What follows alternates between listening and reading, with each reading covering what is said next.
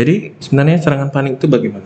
Ya, serangan panik itu sendiri adalah suatu serangan kecemasan yang berat Hmm. yang sifatnya episodik Hmm. dan memang membuat si penderita atau Hmm. orang yang mengalaminya itu Hmm. seperti kehilangan kontrol atau uh, kehilangan kendali terkait dengan serangan yang dia alami tersebut, Bang Udin. Oh, untuk gangguan panik ini apa sih dok? Gejala-gejalanya dokter? Dan Hmm. yang paling nggak nyaman sama mereka tuh bisa jadi karena harus bolak-balik ke kamar mandi apa karena ingin buang air kecil atau Hmm. karena ingin buang air besar. Sebenarnya apa sih yang menyebabkan serangan panik ini dok? Karena ada satu bagian di dalam otak kita itu namanya amigdala yang sebesar kacang almond, Bang Udin. Hmm. Dia terlalu aktif. Panik ini dok sebenarnya apakah semua orang atau semua umur itu bisa terkena serangan panik? Sekali seumurnya hidupnya dia pasti akan pernah merasakan serangan panik. Apa mungkin tadi takut mati itu serangan panik ini bisa menyebabkan kematian dokter? Walaupun dia uh, pada puncaknya merasakan takut mati, tapi belum pernah ada laporan atau Mm-mm. penelitian yang menyampaikan bahwa orang yang mengalami serangan panik itu uh, bisa mengakibatkan kematian. Apakah serangan panik ini bisa disembuhkan dok? Karena kan Hmm. kebanyakan stigma masyarakat itu ke psikiater itu udah pasti seumur hidup gitu dokter. Stigma orang begitu kuatnya sehingga Mm-mm. kalaulah katanya datang ke dokter jiwa artinya berobat seumur hidup. Sebenarnya Benar. tidak seperti itu. Oh tidak ya dokter ya? Iya, Hmm. gangguan panik ini bisa diobati. Mm-mm. Assalamualaikum, salam sejahtera, salam sehat jiwa. Bersama saya, Saipudin Nasution, di acara podcast Seksi Ansietas PPPDSK JI. Dan telah hadir bersama saya ini sudah tidak asing lagi dokter. Eh, beliau merupakan Ketua Seksi Ansietas PPPDSK JI. Beliau adalah Dr. Dr. Mustafa M. Amin, Magister Kedokteran, Magister Sains, Spesialis Kedokteran Jiwa, Konsultan. Bagaimana kabarnya dokter? Bagus, Bang Udin. Gimana kabar Bang Udin? Alhamdulillah sehat dokter. ya, udah lama nggak jumpa ya di podcast ya, Bang Udin. Iya dok, kayaknya baru satu hari yang lalu kayaknya kita nggak jumpa ya dok ya. Iya, iya benar. Udah lama juga ya dok. iya dok, kita mungkin ini eh, membicarakan serangan panik apa dan mengapa. baik, baik Bang Udin. Jadi begini dokter, eh, sebenarnya apa sih dok itu serangan panik dok? Karena banyak orang bikin kan panik, panik, panik enggak, panik enggak, panik enggak gitu ya kan dok? Benar, benar. Mm-mm. Jadi sebenarnya serangan panik itu bagaimana?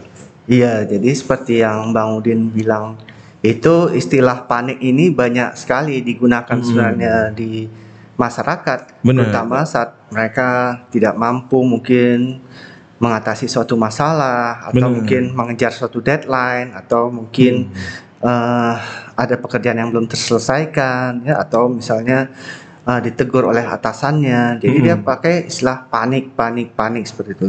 Tapi sebenarnya serangan panik itu sendiri adalah suatu serangan kecemasan yang berat Mm-mm. yang sifatnya episodik Mm-mm. dan memang membuat si penderita atau Hmm. orang yang mengalaminya itu Mm-mm. seperti kehilangan kontrol atau uh, kehilangan kendali terkait dengan serangan yang dia alami tersebut, Bang Udin. Oh, berarti dia itu sampai kehilangan kendali ya dokter ya? Benar, benar. Hmm, itu dok. Kalau begitu dok, bagaimana dengan gejala-gejalanya dok? Apa yang mungkin misalnya kan dok, kalau kita lihat eh, apakah berbeda gangguan panik ini dengan yang seperti panik yang biasanya kan dok? Misalnya kita eh, waktu mau ujian kan termasuk Iya. ada panik. Iya. Untuk gangguan panik ini apa sih dok? Gejala-gejalanya dokter? Ya, jadi serangan panik itu tadi kita sampaikan memang dia sifatnya episodik. Mm-mm. Gejala yang biasa dirasakan si pasien itu memang gejala yang mereka sendiri menjelaskannya kepada kita dokternya dari Mhm. ujung rambut sampai ujung kaki katanya. Jadi mulai dari Hmm. uh, kepalanya hoyong, telinganya Hmm. berdenging, pandangannya kabur, mulut terasa kering, seperti ada yang menyangkut di kerongkongannya, Hmm. kemudian nafas terasa pendek, jantung berdebar-debar, gemetaran, Oh. otot-otot uh, di lengan dan tungkainya itu tegang, Mm-mm. kemudian tangan kaki dingin bahkan sampai berkeringat dan Mm. yang paling nggak nyaman sama mereka tuh bisa jadi karena harus bolak-balik ke kamar mandi apa karena ingin buang air kecil atau Mm. karena ingin buang air besar atau asam lambungnya jadi naik Hmm. dan kemudian biasanya puncaknya itu yang berlangsung sekitar 10 menit sampai kalau yang sudah parah itu satu jam dia akan merasakan takut mati atau takut menjadi gila itulah yang membuat dia sepertinya kehilangan kendali dan sangat merasa tidak nyaman dengan Mm-mm. serangan paniknya itu Bang Udin sampai takut ke takut mati dan takut sakit jiwa juga ya dokter betul ya. betul Oh, benar benar seram juga ya dok. iya Tapi kok kamar mandi ada juga dok anggota kita yang kayak gitu juga dok. Oh, Kalau gitu, panik maksudnya? sering kali ke kamar mandi. Iya, iya, betul, kok betul. Sering kali lawak ini ke kamar mandi gitu dokter. iya iya iya Bang Udin mungkin karena cemasnya itu ya Bang Udin Benar dokter. Jadi bisa 10 kali ya dok ya. iya iya iya Kalau gitu dokter, eh, sebenarnya apa sih yang menyebabkan serangan panik ini dokter? Apakah eh, ada masalah masa lalu atau masalah kekerasan atau bagaimana dokter? Bisa dijelaskan dokter? Iya, jadi eh, serangan panik ini kalau dari sisi kedokterannya sebenarnya Hmm. Karena ada satu bagian di dalam otak kita itu namanya amigdala yang sebesar kacang almond, Bang Udin. Mm-mm. Dia terlalu aktif. Oh. Jadi eh, dia yang harusnya memberitahukan kondisi-kondisi bahaya Mm-mm. atau memberitahukan kondisi-kondisi kapan harus menghindar Mm-mm. ternyata di saat yang tidak semestinya dia menjadi Mhm. aktif dan mengaktifkan saraf-saraf Mm-mm. di seluruh tubuh kita makanya kita bisa merasakan nafas terasa pendek tangan Hmm. gemetaran terasa dingin hoyong kemudian eh, tadi seperti Bang Udin bilang Mhm. kan balik ke kamar mandi Iya benar dokter. jadi amigdalanya ini yang terlalu aktif sehingga mengakibatkan munculnya gejala-gejala yang kita sebutkan tadi itu Bang Udin Oh karena amigdala ini ya dok ya, seperti Benar. tadi yang diceritakan seperti kacang ya dok ya, kok nggak salah Benar, tadi ya. sebesar kacang Sebesar almond kacang ya. almond itu aktif terus menerus jadilah eh, gangguan yang seperti tadi, buang air kecil, buang betul betul air besar ya dokter. Eh, dan panik ini dok sebenarnya apakah semua orang atau semua umur itu bisa terkena serangan panik? Benar. Jadi seperti yang Bang Udin bilang itu setiap orang sekali seumur hidupnya pasti dia akan merasakan serangan panik. Mm-mm. Apakah eh, itu saat dia remaja, dewasa Mm-mm, mm-mm. atau eh, waktu dia lanjut usia. Benar. Sekali seumurnya hidupnya dia pasti akan pernah merasakan serangan panik. Mm-mm. Tapi yang lebih sering lagi memang yang akan eh, merasakan serangan panik ini sebenarnya adalah eh, wanita karena terkait dengan Hmm. hormonal juga ya Bang Udin kemudian Benar, cara menghadapi masalahnya juga berbeda dengan Hmm. pria jadi mereka lebih rentan sebenarnya untuk terjadi serangan panik ini Hmm, berarti agak bersyukur juga kita laki-laki ini ya dok ya. betul betul Bang Udin agak ringan serangan paniknya ya dok. Iya, ya. Eh, tadi dokter ada bilang kan dok bahwa Iya. eh, serangan panik ini seperti rasa ingin mati dan juga mungkin rasa seperti ada gangguan jiwa ya dokter Mm-mm, ya. takut gila Takut ya gila ya dok. Eh, agak sensitif saya bilang gila. Iya, iya, Tadi iya. disomasi pula. iya iya iya gimana Bang Jadi kan dok, eh, apa mungkin tadi takut mati itu serangan panik ini bisa menyebabkan kematian dokter? tidak pernah Oh tidak Jadi kalau orang yang Mm-mm. selalu mengalami serangan panik, walaupun dia uh, pada puncaknya merasakan takut mati, tapi belum pernah ada laporan atau penelitian yang menyampaikan bahwa orang yang mengalami serangan panik itu uh, bisa mengakibatkan kematian. Seperti Hmm. itu, Bang Udin. Oh berarti dia tidak bisa menyebabkan kematian sebenarnya. Tidak, ya? karena sifatnya yang episodik itu dan Mm-mm. sifatnya sebagai Mm-mm. uh, serangan panik itu yang lebih kepada ke kejiwaan ya psikis. Mm-mm, mm-mm. Nanti ada satu masa setelah dia melewati itu akan mereda dengan sendirinya serangan itu, Bang Udin. Hmm. Nah, cuman kan Oh. waktu serangan itu terjadi memang tidak Hmm. nyaman sama orang yang mengalaminya. Iya. Oh gitu ya dok ya. Berarti memang rasa tidak nyaman itu pasti ada yang bagi penderitanya dokter ya. Dia sangat tidak Mm-mm. nyaman dia kalau lagi serangan panik itu.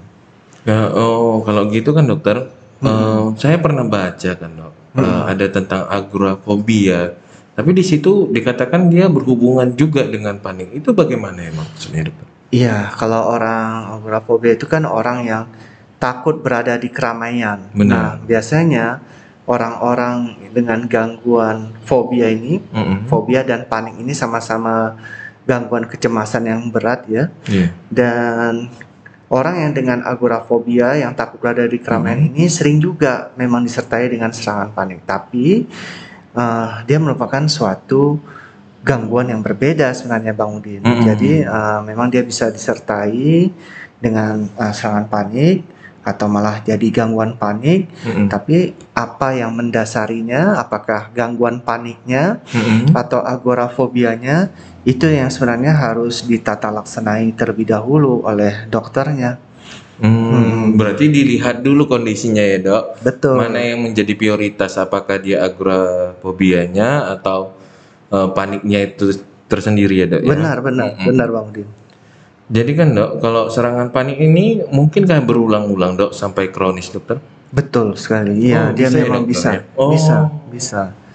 Dan tentunya kalau sudah uh, kronis seperti yang Bang Udin Hmm. bilang itu uh, perjalanan penyakitnya menjadi kurang baik dan tentu Mm-mm. akan lebih sulit Mm-mm. menata laksananya dibandingkan orang yang cepat sadar atau Mm-mm. uh, segera menata laksanai serangan atau gangguan paniknya tersebut. Hmm, berarti kalau tadi seperti ada gejala-gejala seperti serangan panik yang kita bicarakan tadi dokter, Hmm, berarti jangan takut para penonton yang di rumah itu untuk datang ke psikiater ya dok ya. benar, benar. Iya, kita terbuka sekali ya dok ya. Betul Psikiater sekali, terbuka betul. sekali untuk eh, bisa berdiskusi ya dokter. ya. Iya, iya.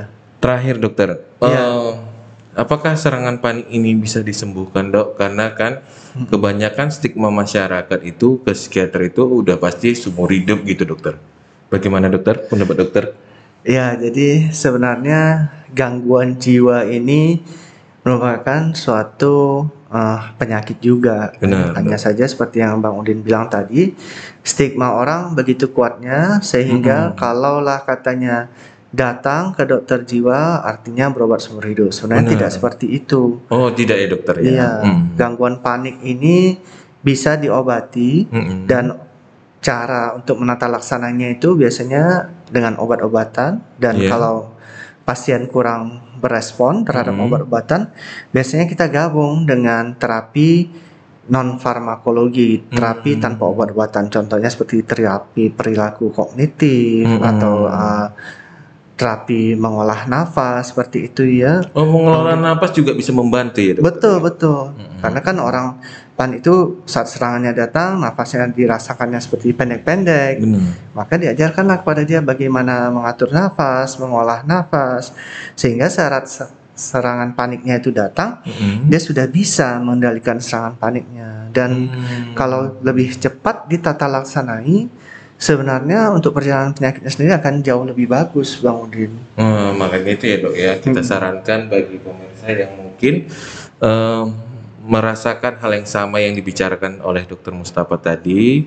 Jangan ragu jangan bimbang. Silahkan datang ke psikiater terdekat yang mungkin ada di daerah anda dan terima kasih banyak dokter atas kedatangannya jangan bosan-bosan untuk di podcast ini dokter iya iya iya baik terima kasih Bang Udin Ya dokter, mungkin teman-teman yang ada di rumah dokter ingin berkonsultasi dengan dokter. Kalau mereka ingin berkonsultasi ke mana dokter? Teman-teman. Baik, terima kasih Bang Udin. Saya ada di Klinik Utama Bina Atma setiap hari Senin sampai dengan Rabu sore dan kemudian ada di um, Rumah Sakit Siloam Siloam. setiap hari Jumat dan Jumat. Sabtu, Bang Udin. Oh, terima kasih banyak dokter. Mungkin terima kasih juga pada pemirsa yang telah menonton acara podcast pada hari ini. Acara podcast seksi ansietas PP PDSKJI. Eh, akhir kata saya mengucapkan salam sehat jiwa, tiada kesehatan tanpa kesehatan jiwa. Assalamualaikum warahmatullahi wabarakatuh. Waalaikumsalam. Terima kasih banyak dokter. Terima kasih Bang Udin.